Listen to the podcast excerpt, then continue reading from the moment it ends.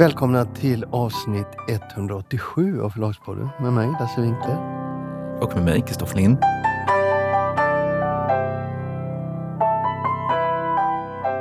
Den här gången så ska vi prata om uh, har vi ett tredje avsnitt i vår bevakning av uh, konflikten mellan Uppdrag granskning och Niklas Salomonsson Agency. Ja, så har vi ett förlagsporträtt, Take Publishing. Mm. Och sen har vi ett uh, antal frågor som är intressanta men inte så tunga. Vi mm. börjar med en sån fråga. Va? Vi tar, ja. Du har nämligen någonting du brinner för. Jag brinner vet jag inte, men nu börjar ju komma AI-genererad AI musik. Och på Spotify så har man identifierat ett antal, eh, ganska mycket musik som har hamnat på topplistan som är AI-genererad. Och bland annat så visar det sig att eh, några av de mest lyssnade grejerna här har varit ett brus. Brunt brus, grönt brus och blått brus. Och det är alltså någon slags eh, bakgrundsljud som man ska liksom slappna av till och komma, liksom börja somna kring. Och det här har ju lett till att det är många artister och sånt där som inte vill, de vill inte konkurrera med den här typen av musik. För det, de tar ju deras pengar kan man säga. Och det tycker jag är en väldigt intressant utveckling. Jag tänker att vi kommer säkert kunna se något liknande i streamingtjänsterna. Ja, för de kommer att konkurrera om potten. Ja, de konkurrerar om potten, precis. Även om eh, lyssnarna eller konsumenten tycker att det här är okej, okay, så att säga, så eh, kommer upphovsmännen inte att vilja dela med sig av det här till någon AI-genererad sak. Den konflikten låter ju extremt intressant. Ja. Och oväntad. Ja, den är lite oväntad. Ja, precis. Jag, tänkte, jag har tidigare tänkt att, att vad som kommer hända är att konsumenterna kanske inte vill ha AI-genererade robotuppläsningar av böcker eller så. Men jag tror nog att konsumenten kommer nog tycka att är det bra så är det bra, så att säga. Inte bry sig. Utan att, jag tror att det är upphovsmännen som kommer kräva och deras organisationer som kommer kräva att det här, det här måste liksom tas bort. Ja, det förvånar mig inte, men jag hade inte väntat mig att den frågan skulle komma upp. Nej. Det var en kort och fin eh, mm. inledning.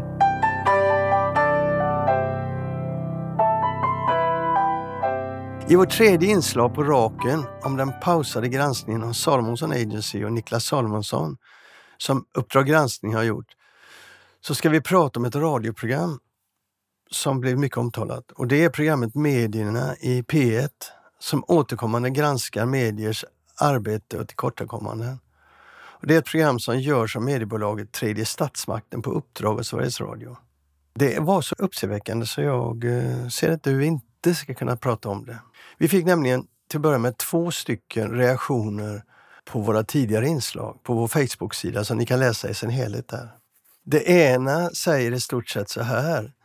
Det är långt så ni får gå in och läsa det själv och ni får läsa vårt svar där. Men det säger så här att medierna visar ett helt annat verklighet än den vi har visat och det verkar som om ni har en gås oplockad med Niklas Salmonsson. Det är väl summering av eh, det inslaget.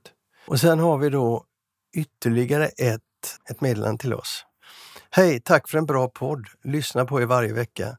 Har följt ett resonemang kring Salomonsson Agency och lyssnar på medierna i P1, företagets VD, uppger att brevet med de 75 punkterna, inom parentes Salomonsson Agencys interna utredning, lämnats till SVT på SVTs begäran.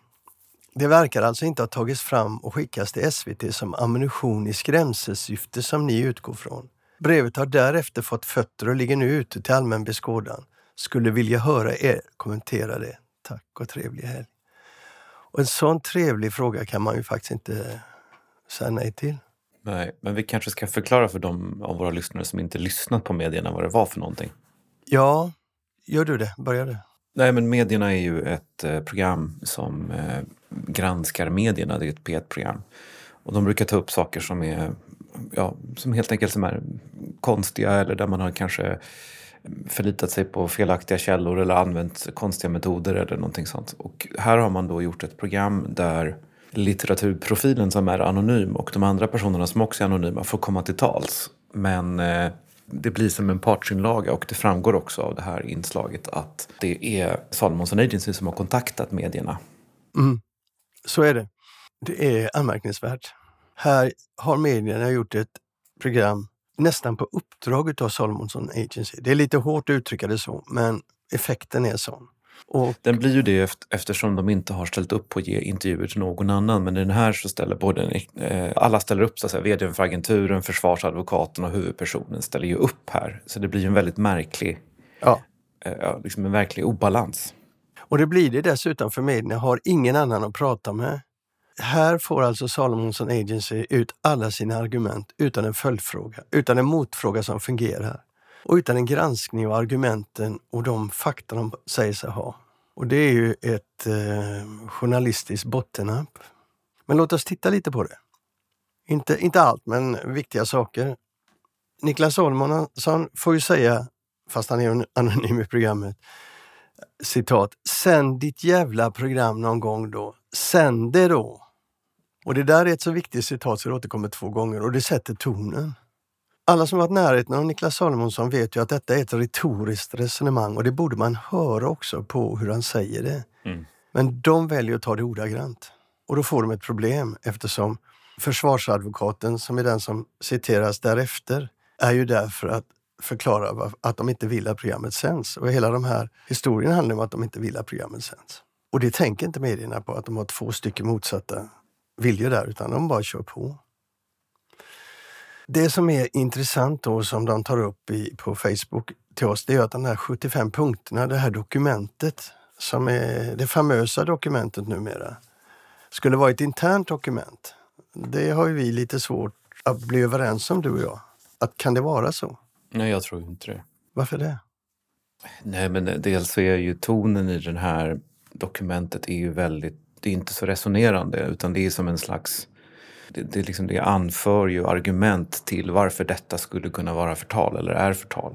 Det är bara saker som talar till eh, Salomonsson Agencys försvar och det är ganska, tycker jag, aggressivt i tonen. Så att, att det här skulle vara någon slags internt dokument för att man ska kunna resonera kring hur man ska... Nej, nej, nej, det tror jag inte. Jag är övertygad om att det här har varit avsett att skickas vidare. Sen kanske han ändå hade skrivit något internt, jag har ingen aning. Jag tror det kan vara sant, det kan vara falskt, men det kan också vara delvis sant. För så som det ser ut så är det ju kontraproduktivt att skicka detta till, som de säger, att de har skickat det till Uppdrag granskning på begäran från Uppdrag granskning. Och att det var ett internt dokument. Det är som du säger, det är hårt skrivet och bitvis hotfullt i sin syn på, på Uppdrag granskning och journalistik. Och det är en ren partsinlaga. Det finns inte ett tillstymmelse till analys och resonemang som kan hjälpa internt. Alltså personalen, om de ska förstå situationen och orientera sig utifrån detta, så blir det lite konstigt. Mm. Men kanske är den interna kulturen så enfaldig att man nöjer sig med full attack mot fienden och så samlar man gängen runt lägerelden. Och den innehåller ju rena lugner dessutom som vi strax ska visa. Ta bara den här första punkten med elva frågeställningar som UG är intresserad av när det gäller Niklas Salomonsson. Alltså vad han sägs ha gjort eller vad han antas ha gjort. Mm. Att sprida dem internt de kanske var redan spridda, det vet jag inte. Men utan att resonera runt dem gör det lite konstigt. Okej, okay, de definierar fiendebilden av UG. Titta här vad de säger om våran chef. Men de ger samtidigt en bild av Niklas Salomonsson och agenturen som de måste förhålla sig till. På en arbetsplats så leder det här till samtal. Samtidigt så vet vi ju att man misstänker internt att det finns läckor, att det finns folk som har ställt upp på intervjuer i Uppdrag granskning. Det här blir ju väldigt konstigt som internt dokument. För hur ska man se på Niklas då? Har vi en chef som anklagar för allt detta? Men å andra sidan, de känner ju sin organisation, sin egen företagskultur. Men de får ingen hjälp här menar jag. Det blir väldigt konstigt. Och sen du vet alla de här punkterna med förtals och tryckfrihetsfrågor. Som du säger, det är en uppräkning.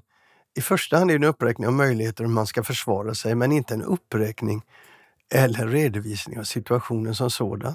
Nej, det är det inte. Därför att han balanserar ingenting. Johan Eriksson, kolla här vad, vad vi kan göra. Det här har vi hjälp av. Det här har vi hjälp av. Men både du och jag har konstaterat att det finns punkter där som han valt att inte ta upp därför att de inte är hans egen fördel. Det där med om det hade varit ett internt dokument för att man själv ska kunna liksom resonera kring hur gör vi tal och så vidare. Vad är förtal, vad är inte förtal? Då hade det inte sett ut så där ensidigt. Mm. Det hade det inte gjort. Å andra sidan, vi kanske är för intellektuella här. Ja, jag har ingen aning. Men det spelar väl egentligen inte någon jättestor roll. Men eh, bilden som medierna skrev genom att förmedla då att det var ett internt dokument som UG hade bett om att få. Det är ju då, den, den bild som de sprider det är ju att de inte alls har liksom försökt stoppa programmet utan att de gärna hade skulle sett så att det hade sänts. Så att det är svårt att försvara sig mot någonting när man inte vet vad det är. Mm. Det en punkt som är väldigt anmärkningsvärd i det här dokumentet och det är karaktärsmordet på Axel Gård Humlesjö som medierna inte förmår analysera och inte förmår förstå. Man bara kör det rakt ut. Så här säger journalisten när hon ska ta detta.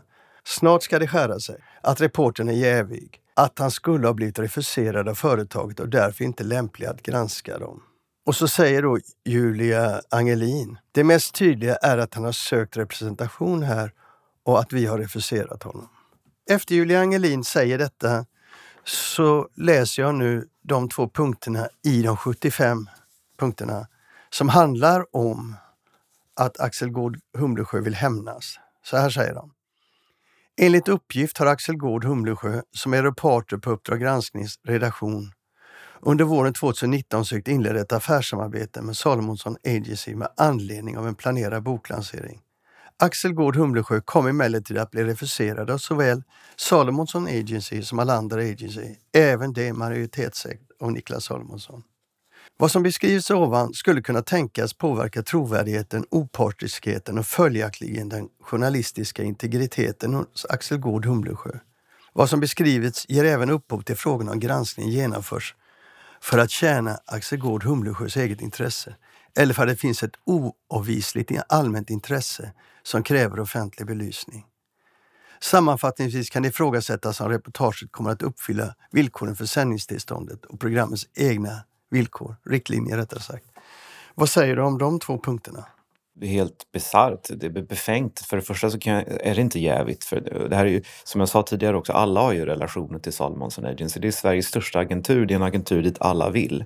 Till och med eh, vår för detta statsminister har ju representerats av Salomonsson Agency.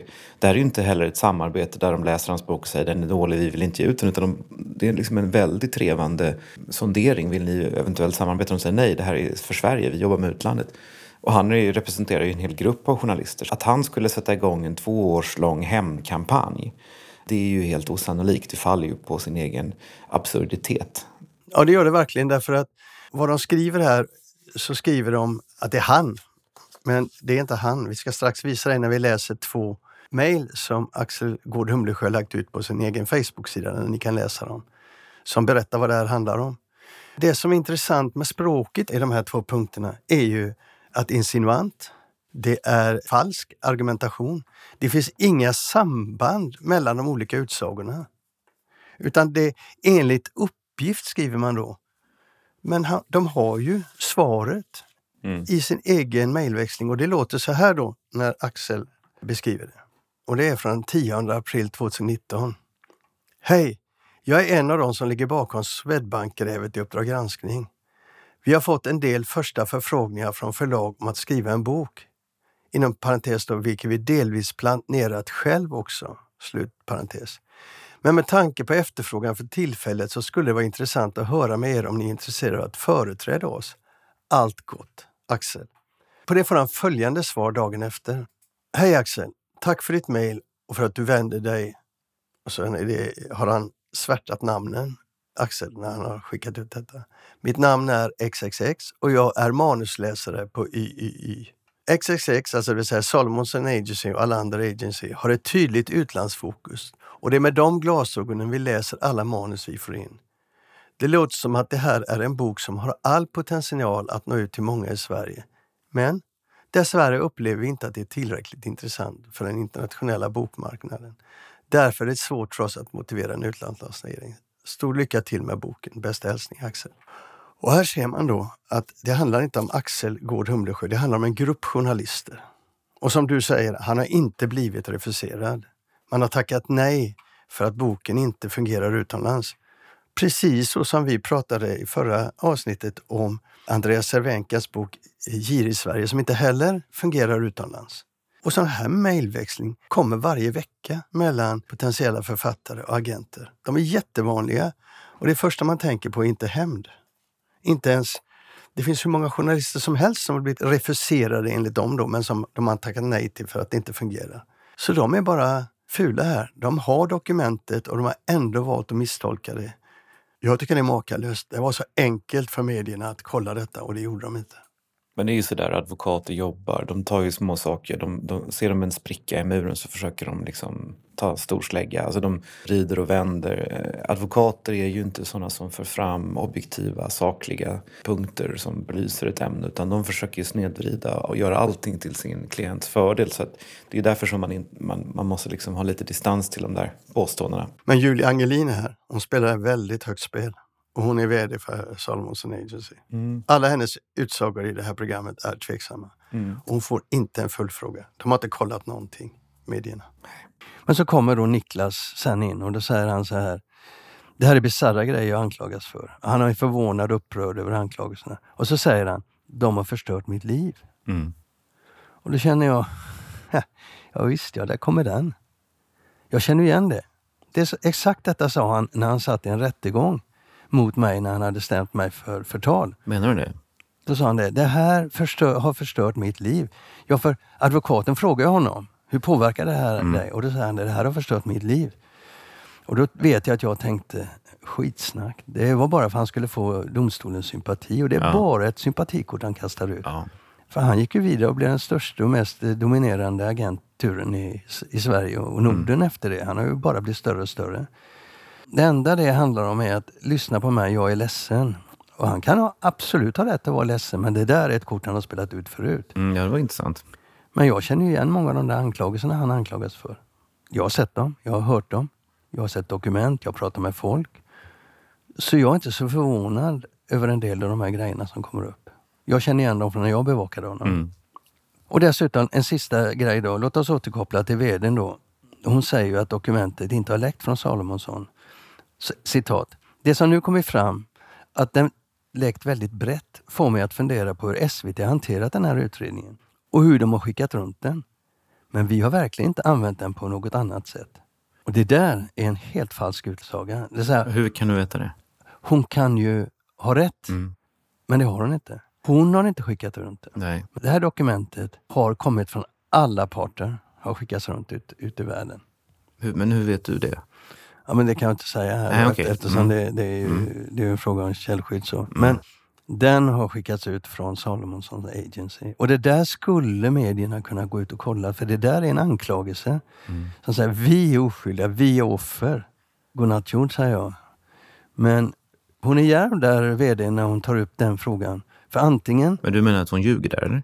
Nej, hon vet väl kanske inte. För det är inte så att den som har skickat det från dem går och säger till Julia Angelin, kolla nu går jag och skickar detta bakom ryggen på dig. Nej. Hon själv har väl inte gjort det, men hon kan väl räkna ut mm. med det jag brukar säga om en kritbit och så, att, mm. att det har hänt. Och sen har media inga problem med att de 75 punkterna är en attack mot journalistiken och journalisten som är, tar den till nya höjder. Eran eh, faktainsamlingsperiod har varit av det slaget att vi kan tänka oss att använda det för ett tryckfrihetsmål. Mm. Det vill säga, ni kan klippa vad ni vill i det där programmet så att vi inte kan eh, komma åt er.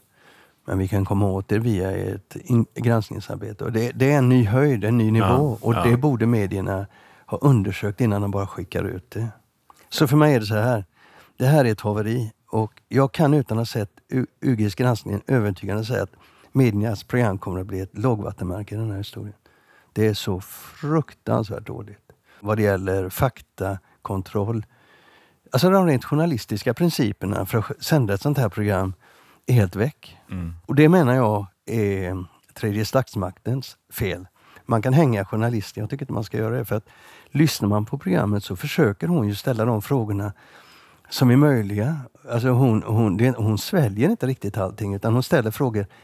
Men hon inte inser att det finns inga svar. Nej. Därför att hon vet för lite. Och det borde producenten i det här fallet Martin Wiklin har sett. Han borde ha stoppat det här. Och eh, tredje statsmakten som, som företag som garanterar kvaliteten har misslyckats här tycker jag. Och, och jag ifrågasätter om SR ska jobba med en organisation som släpper igenom ett sånt här otroligt dåligt arbete. Tror du den sista frågan är sagt i det här? För nu, har ju, nu känns det ju ändå som att det blir inte mer. Det bidde inte mer så att säga. Nej, jag tror ju nu att de kommer att sända. Du tror det? Ja, jag tror det. Det har, det har kommit in för många utomstående. Jag menar Nils Funke som är en expert på, på yttrandefrihetsfrågor och så. Hans-Gunnar Axberger Och också. Hans-Gunnar Axberger har gått in och det förs en debatt som SVT måste förhålla sig till. Jag menar, de kan inte bara vara tysta. Därför att den här frågan kommer ju att eh, eka. Så jag tror att de kommer att, att sända. Jag tror ju att det blir ett problem. Oavsett hur bra programmet är så kommer frågan att vara, var det inte mer än så här? Den kommer att komma upp nu eftersom det varit en sån konflikt runt det. Mm. Så damned if you do, damned if you don't. Men jag tror att de kommer att sända. Mm. Eller det är min förhoppning att de kommer att sända. Ja. Ja, det var långt men jag tycker att det är sån... Jag tyckte det var så ohederligt det här Ja.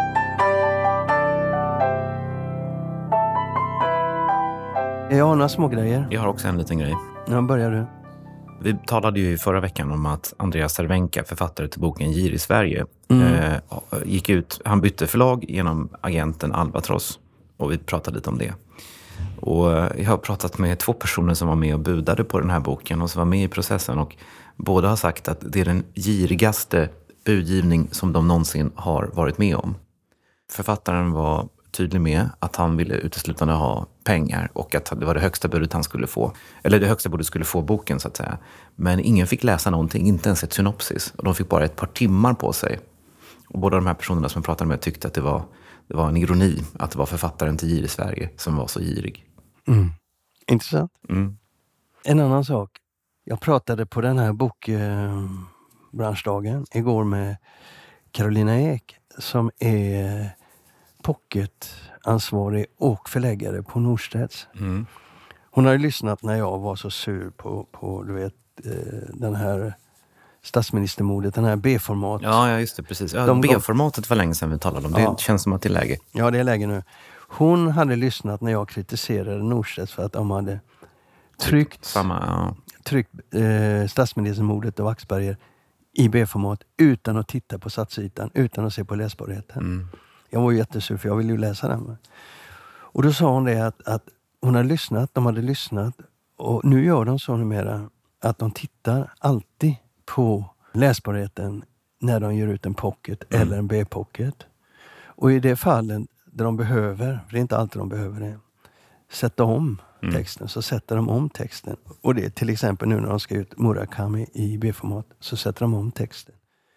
Och då kände jag, wow, vad roligt att de lyfter B-formatet också. Och Bonniers har ju märkt då, den här satsningen de gjorde nu i, i kampanjen, Mm. att de fick trycka om. Så böckerna gick åt. Nu bara hoppas att eh, alla som gillar det här hjälper till att se till att kvaliteten är tillräckligt hög. Mm.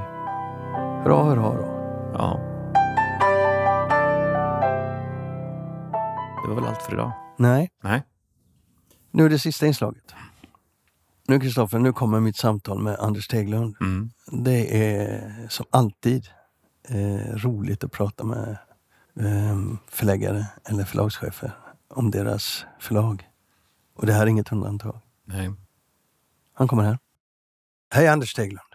Hej! Kan man säga att, att Teg Publishing är ett Norrlandsförlag placerat i Göteborg?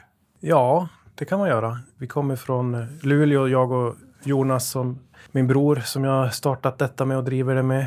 Så att eh, norrbottningar som har vindlat ut i världen. Och jag har ju kontor här då i Lagerhuset i Göteborg. Ja, just Och det. han jobbar från Stockholm. Jag sitter här och han sitter där. Ni är inget vanligt bokförlag kan man inte säga va?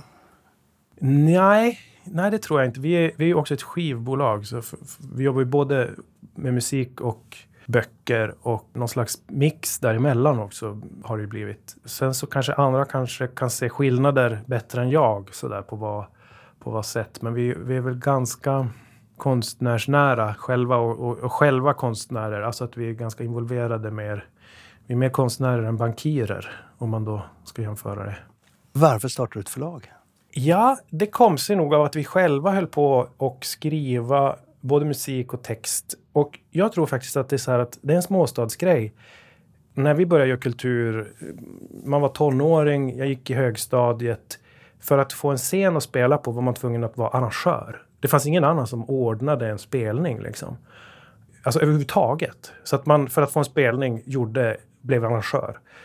Och det där sättet att se på skapande har vi nog vuxit upp i.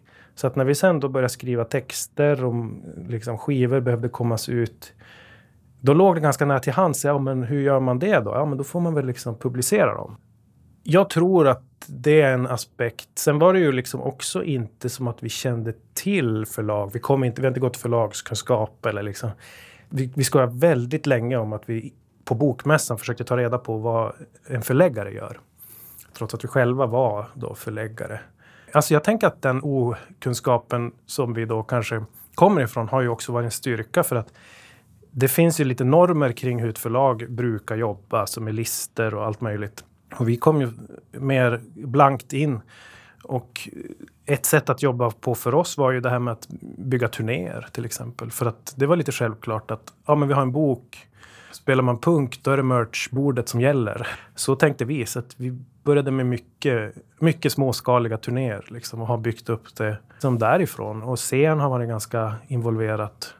Och det visade ju sig att det inte riktigt förlag jobbar på det sättet i vanliga fall. Sådär. Men om man tittar på utgivningen nu då idag. Mm. Hur många böcker ger ni ut per år ungefär? I år är det tre. Förra året var det väl fyra. Det är där det ligger ungefär ja, år för precis, år? precis. Det är ganska mycket, eller hur? Ja, det är ganska lite. Jag förstår, tre böcker. Mycket jobb. Ja. Det förstår jag. Ja. Nej, men jag tycker att det är eh, någonting också med att vi vill hinna följa med en bok. Och ganska långt efter att den har kommit ut. Så jag märker att det kommer en boks periodicitet kanske inte dör efter två, tre veckor att den har dött liksom släppts. Utan det kan ta två, tre år i bästa fall. Och det vill jag vara med på. Jag vill liksom inte ha huvudet fullt av de nya projekten bara. Utan jag vill liksom bereda lite plats för eventuella. Det är inte alltid det är så, men ibland har det blivit så. Jag, jag tycker om när det kan liksom få svälla liksom en slags bakvåg. Till exempel? Ja, Marit Kaplas Osebol eh, har vi gjort många olika liksom sväll på. De fick ju den Augustpris. Sväll, det var ett nytt ord i Ja, men det är bra. Jag, jag, tycker att man ska tänka lite mer så, alltså fjärde vågen. Eh, vi har jobbat med Po Tidholm i många fall. Och han släppte en bok som heter Norrland 2012 och den har vi liksom byggt turnéer och sidoprodukter kan man säga. Allt från affischer till podd och mycket scensamtal. Och det är tid och då kan jag liksom tänka att på ett sätt så har jag inte, alltså jag nedvärderar boken som artefakt. Jag tycker inte boken är så viktig alltid. Men för att jag tycker att samtalet omkring den kan vara minst lika viktigt. Och då på riktigt minst lika viktigt. Att det för mig lika viktigt att någon pratar om den. Och vilket ämne den berör och vad den väcker. Men å andra sidan så kanske det är så som man kan uppvärdera en bok. Att liksom komma bort från ISBN-numret lite. På det sättet så, vi, så, är det liksom lite få böcker men vi vill väl göra dem vi kan följa med mer. Liksom. Och så får ni världens eh, genomslag ja. med Marit Kaplas Ossebol. Ja. Eh, det blir eh, Augustpris. Mm. Den blir eh, översatt till hur många språk då? Kan det vara fyra, fem, sex, fem? Något sånt. Ja, och, och, och kronan på verket där på de översatta, det var väl eh, recensionen i New York Times antar jag? Ja, jag fick jättebra. Och det är Penguin Press som har gett ut den, så det var ju redan bra, bra utgångspunkt. utgångspunkt. ja. Och där tycker jag det blir kul för att den är ju liksom väldigt specifik. Det är en liten by i Sverige. Så där. Hur kan det ta sig ut så där stort i världen? Hur kan det beröra så många fler? Det gillar jag. Sen har du själv skrivit en bok. Mm. Cykelbudet? Ja, precis. Att, eh, den kom som en följd av att när pandemin drog in så försvann mina jobb. Så då tog jag jobb på Fodora som en matbudsleverantör. Och så sen eh, började jag skriva mig igenom pandemin. Och, och den handlar ju om att vara liksom, frilansande kulturarbetare och Gigarbe gig, gigarbetare. gigarbetare i båda bemärkelserna. Då. Eh, och den boken släppte vi ju Ja, så då kändes det väl lite faktiskt också som någon slags cirkelslut också med att själv skriva. För att det, det har jag varit intresserad av alltid. Sådär. Kan ni tänka er ut vad som helst eller har ni något fokus, speciellt fokus? Nej, absolut inte vad som helst. Vi, vi brukar faktiskt själva eh, vara ganska involverade i det. Vi, de flesta projekt har vi en egen producentroll eller initierat på något vis. Sen finns det väl liksom en, ett spännvidd där, där vi går igång jag tycker liksom inte att det, vi är ju inte ut barn och unga för det kan jag inte eh, och sådär. Alltså det finns ju lite sådana. Glesbygdsromantik? Ja, eller det, vad heter det, inte, vad heter det, no, romantik var ett starkt ord. Men vi kommer ju från, alltså så här tror jag också. Vi kommer från Luleå. Ja. Vi har liksom ett kulturellt kapital som handlar om att vi förstår vissa grejer som är glesbygdens kulturella stoff. På samma sätt som om vi tänker en, gör en jämförelse med en, en förläggare som kommer från Stockholm som kan se så här, men det här betyder någonting. Men det är inte kanske alltid man säger att utgivningen på ett då Stockholms förlag är Stockholms utgivning. Man säger inte så till, jag vet inte, vad heter de? Daniel Bergman? Nej, vad heter han? Daniel Sandström Sandström på Bonnier. på Bonnier. Man säger inte så, "Va- varför är ni så intresserade av Stockholm? Utan det är liksom, det blir en sån norm kring det. Däremot så tror jag att de kan Stockholm jättebra. Och de kan liksom det på samma sätt som vi kan glesbygd. Sen så skulle jag väl vilja säga att det inte är en princip att det är så här, vi lyfter fram det för att det kommer från glesbygden, men vi kan se kvaliteten där. Jag kan se när Osebol kommer att där prickar det rätt, typ. Jag kan se det på ett sätt som kanske känns eh, liksom inspirerande själv. Sen så har det väl också att göra med att vi brinner för den frågan om att göra röst åt andra. eh, Alltså, och kanske också bredda diskussionen om vad glesbygden är och ska vara till för. Och rucka på centrum-periferi. Till och med så, så att ni har gett ut en, en gammal avhandling av Sverker Selin. Ja, Precis. ja, Framtidslandet heter den. Den kom första gången 88. Och det är en sån där... äh, Där kan man snacka om återbruk. Ja, ja men den är liksom... Han, han det är hans då, avhandling som han skrev och sen har den figurerat i våra tassemärker som ett sånt där standardverk som har haft betydelse. Och på Tidholm har nämnt den ofta och den finns liksom, men den har varit slut. Och nu befinner vi oss i en samtid där eh, Norrlandsfrågan har vridits till att det är en investeringsboom. Och boken som han har skrivit handlar om den tidigare investeringsboom på slutet av 1800-talet. Och det går igen exakt samma på något sätt eh, mekanismer som vecklas igång. Och då, då blir det aktuellt att fråga sig hur gick det förra gången och, och hur, vad ska vi tänka på nu? Så, så att vi gav ut, då tänkte vi att ja, vi kan publicera den igen eftersom den är slut. Och den var också, behövde kanske lite en uppdatering vad gäller sättning och omslag och sådär. Så den släppte vi nu för ja, i, mars månad. Och vad trycker ni en sån bok i? 1200 tyckte jag ni. Nu har jag kvar 140. Era böcker, nu är de ju olika, det förstår jag. Ja. Men en standardupplaga för en typisk Take Publishing-bok, om det finns en Ja, sån. men typ 12-1500 första. Och så sen tar det fart så trycker vi till. Det är lite svårt för att vi, man, man, man ska bedöma det där. Jag, jag tycker att det är svårt att bedöma en lanseringssuccé. Ja. Hur långsiktig den är. Alltså när, när tar en bok, när dör den på riktigt på något sätt? Och där tycker jag att i ett optimalt läge så kan man släppa en bok och så sen en säsong senare, då har man lagt en biblioteksturné. Alltså om du släpper boken i augusti, då blir det media och så sen så får kontaktar du bibliotek så att du lägger en turné februari, mars som ju då är lite så kanske stiltje för den boken annars. Och då kommer den liksom ut i lokalmedia och så sen möta läsare. Det brukar liksom ge den ett lite längre liv. Så när, när du har ett projekt, Ja. vi säger en ny bok, Ja.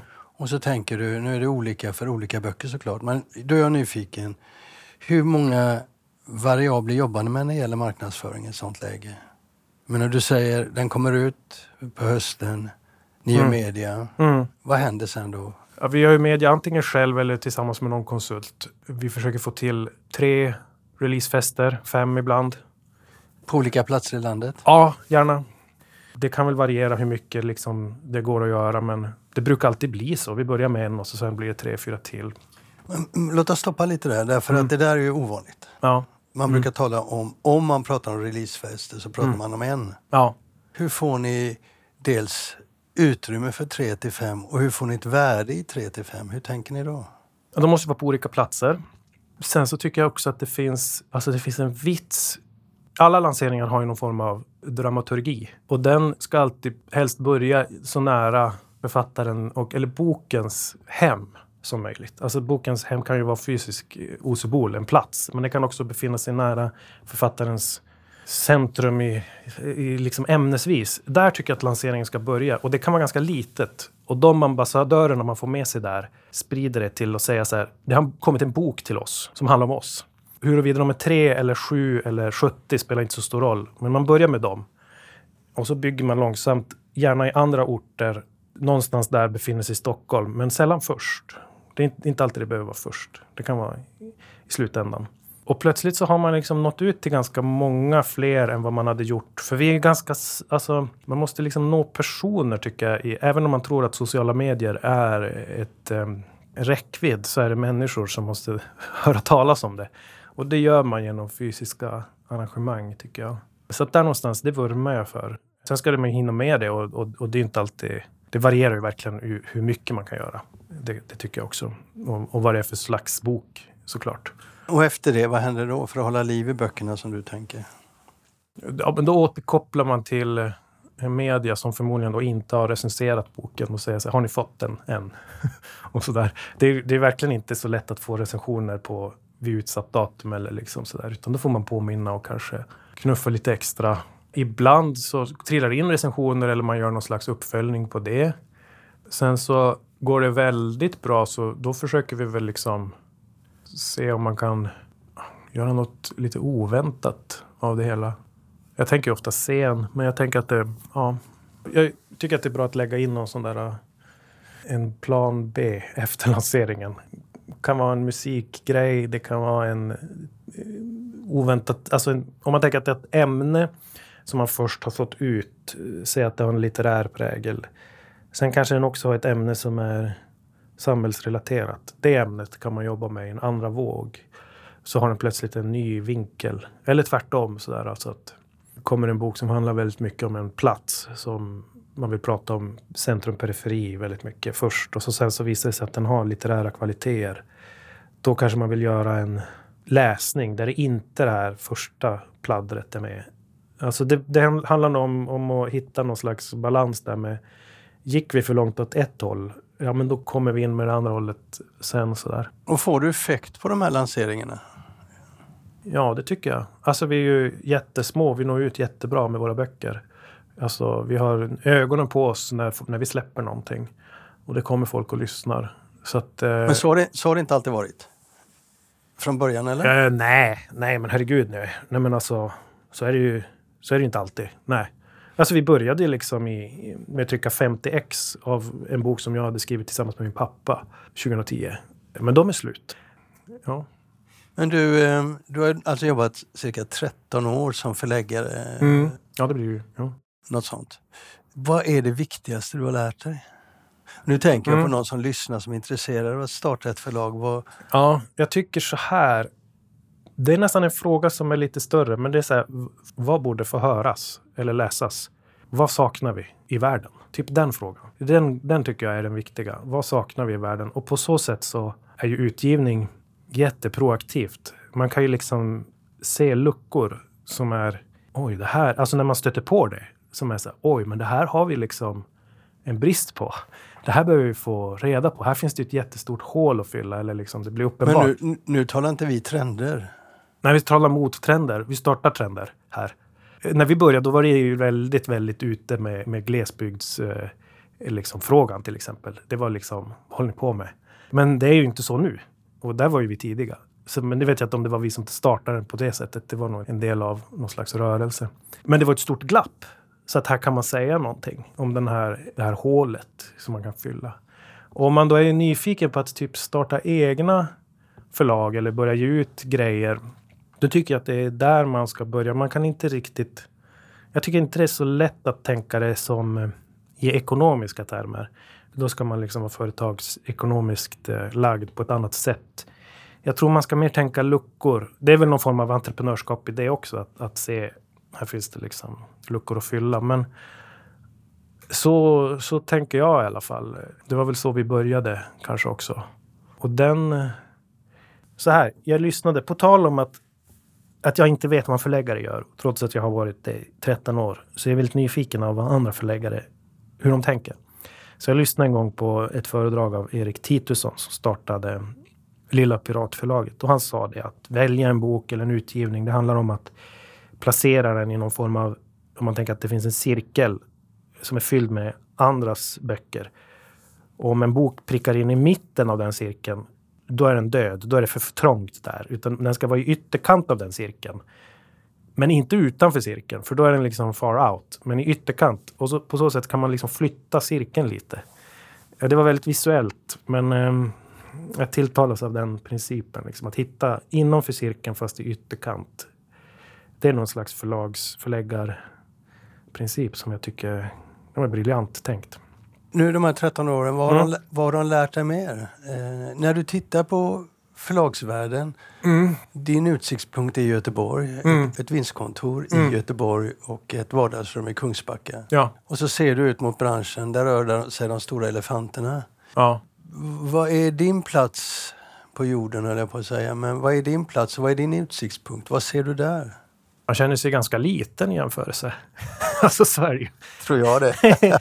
Eh, men alltså ibland när man ser liksom vad som händer och, och vilka hus som finns och, och sådär. Här sitter man med sina likviditetsplaner. Så att det är ju liksom en, en alltså vi är ju liksom konstnärer i den bemärkelsen. Vi är mycket mer av en poet än en, en bankir som man ska göra jämförelsen. Sen så tycker jag ju att det är en rolig styrka på något sätt för vi kan göra som vi vill. Sådär. Vi behöver inte oroa oss för konjunkturer på, på det sättet som jag tänker mig att man måste göra när man liksom jobbar med en, med en massa. Jag tycker de verkade, det verkar vara jobbigt att ha så många böcker att ansvara för. Alltså om, man ska liksom, om det ska passera 30 böcker eller vad det kan vara. Jag har så svårt att förstå det bara. Men det är Hur, ju fler människor. precis, det är fler människor men varje människa liksom hinner ju inte riktigt sjunka in i den så djupt. Helt enkelt. Så det är väl det jag tänker att vi gör lite mer då. Parkera oss. Så du är fullt nöjd med att sitta här i en... Vad omsätter ni per år? Eh, två, två miljoner, två något sånt drygt. Det beror på hur mycket pandemi och augustpris som påverkar oss. Men där någonstans. Nöjd? Nej, absolut inte. Det är jättesvårt. Eh, alltså, vi jobbar ju på sidan av för att försörja oss. Nej, inte nöjd. Det här är ju liksom, liksom orimlig eh, företagsekonomi. Man drivs ju av någon slags konstnärlig passion. Så Men, det är en daglig liksom, fråga men hur tänker du om eh, att få förlaget att växa då? Men jag är inte så intresserad av att få det att växa på det sättet. För eh, vi vill fortsätta att, hålla det konstnärsnära och sådär. Ju större det blir, vi har testat ett tag att ge ut mer titlar, då hamnar man lite längre bort från allt. Vi fortsätter med att eh, vi producerar ju egna grejer. Alltså Jonas, han är musiker, så han spelar väldigt mycket och det jag skriver och spelar också. Det kommer vi fortsätta med. Och så är det här ett, en plattform för idéer och andras eh, författarskap. Sådär. Jag har väl insett att vi inte liksom... Det kräver någon slags investering att växa, alltså i bemärkelsen skaffa sig fler anställda eller vad man ska göra. Jag tror att det finns andra som är bättre på den biten. Mm. Men det är slitsamt ekonomiskt. Det är det. Ja, det är det ju. Absolut. Och det är liksom, man får verkligen räkna på allting. Det, det är ju, man måste liksom få varenda bok att gå runt. Dessutom vara kreativ på det. Men jag tycker att det är... Eh, ja, jag tycker att det är svårare, hur ska man säga, över tid. Alltså att man fattar att så här, även en, en succé, det behöver inte vara så att vi liksom kan casha ut jättemycket flera år på det. Utan det är så här, ja men ny, ny dag imorgon. Liksom, även på det. Så att man blir väl lite mindre liksom, em, ja men lite luttrad på det viset. Så tycker jag i alla fall. Men du var inte med på Bokmässan förra året va? Jo, förra året var jag med. Eh, Men i år kommer vi inte vara med. Varför det? Eh, nej, men det kostar för mycket för mig. För då var det så att vi, em, vi jobbar i princip ideellt. Och så betalar vi för bokmässeplats. Och sålde ganska bra. Men vi gick väl på det projektet 50 000 back. Och då är det på oss två, 25 000 i utebliven lön. På att vi jobbar ideellt. Och då gick jag omkring där och, och liksom eh, pyste lite så här. Varför ska jag betala 25 000 i utebliven lön till det här spektaklet? Eh, det kan ju någon annan göra. Finns det andra här som får lön för att vara här? Ja, men vad bra. Och så tyckte vi väl liksom att eh, det måste vara bättre för oss att vara med här.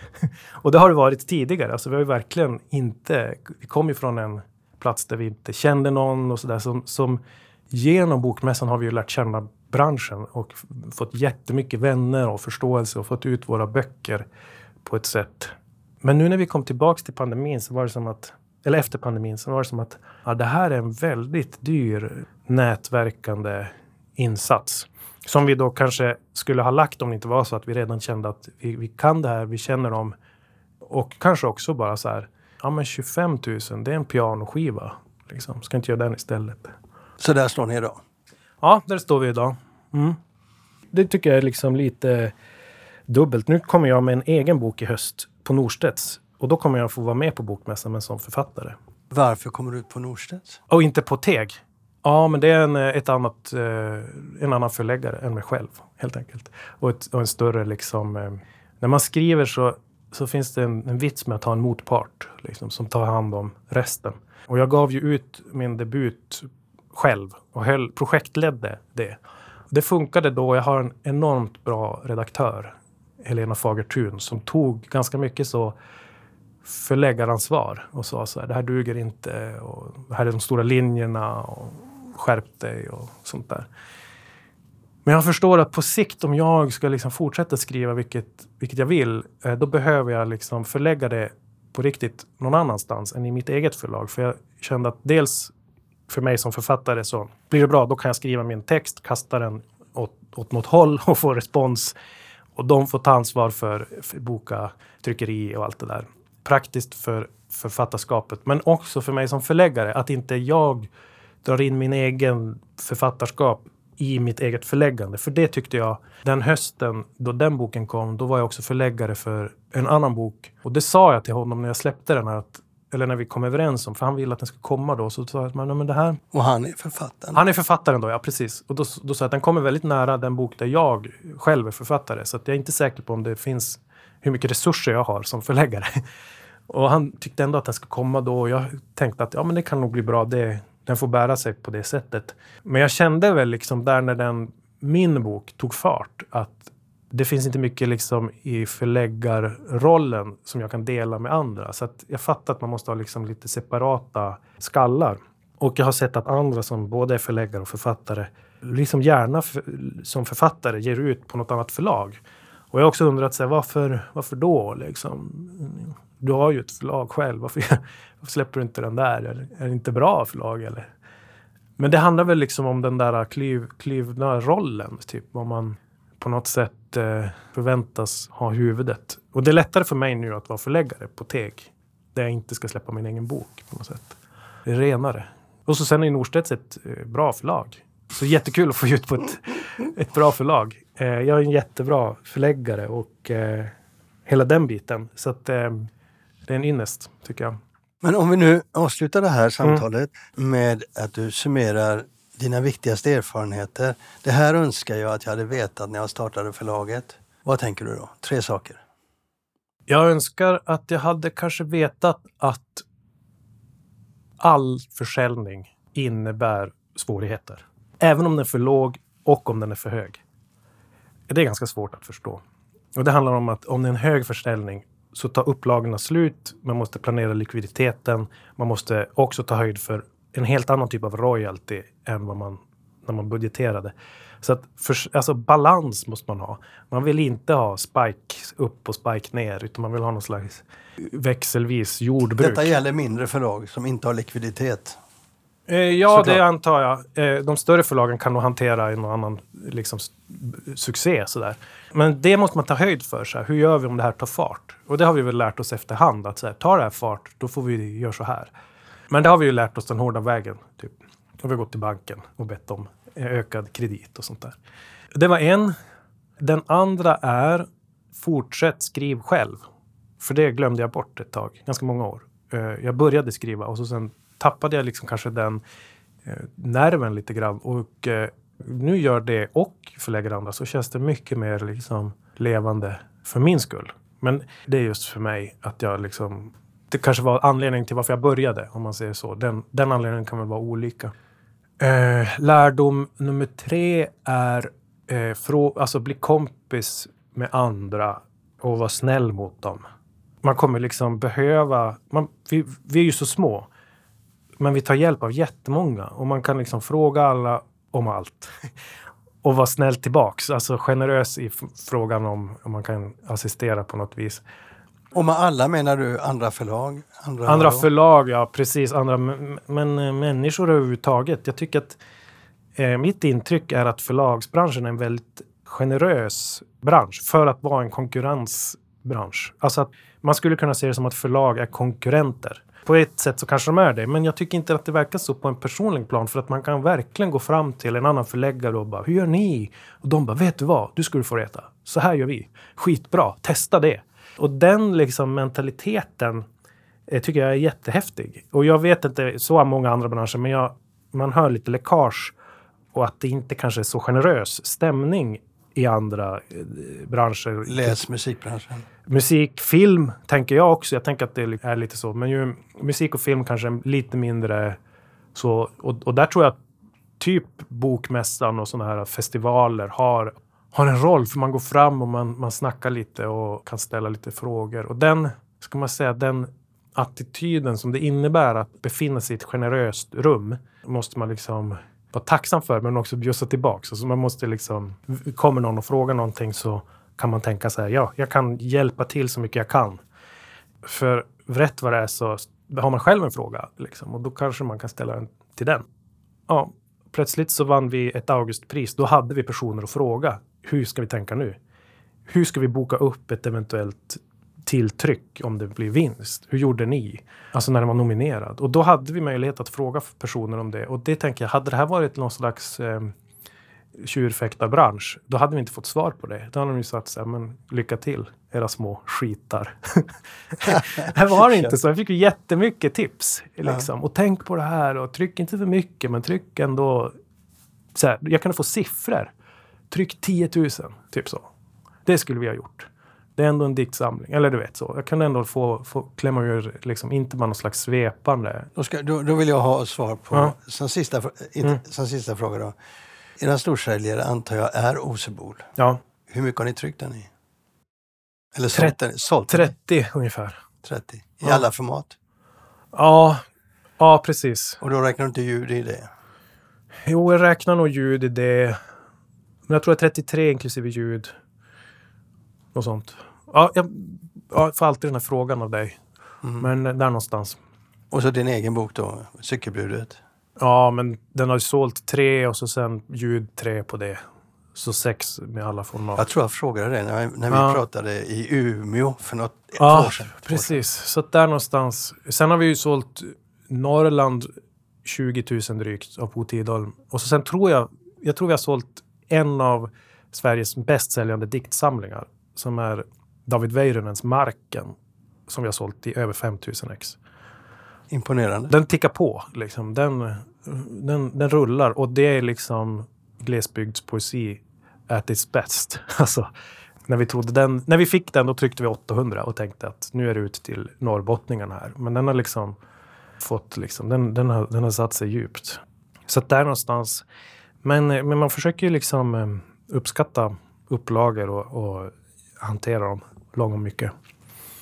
Det där är en erfarenhetsfråga, förstår jag. Det måste det ju vara. En erfarenhetsfråga, verkligen. Och den svåra erfarenheten är ju att bedöma, tycker jag då, här, när det går bra. Hur bra är bra? typ om någon är med i tv, tre tv-kanaler, jättebra recensioner, hjärtemojis på Instagram. Hur bra är det egentligen för nästa upplaga eller sådär? Och det, det tycker jag är jättesvårt.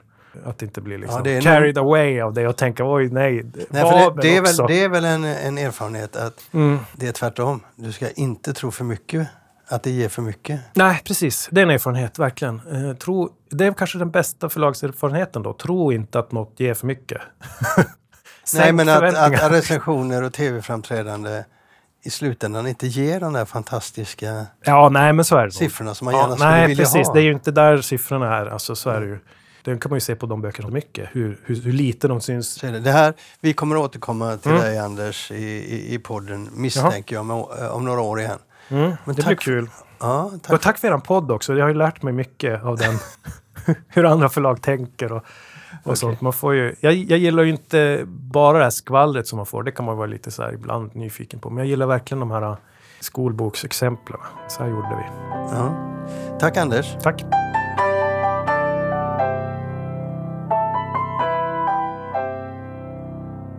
Ja, det var allt för idag.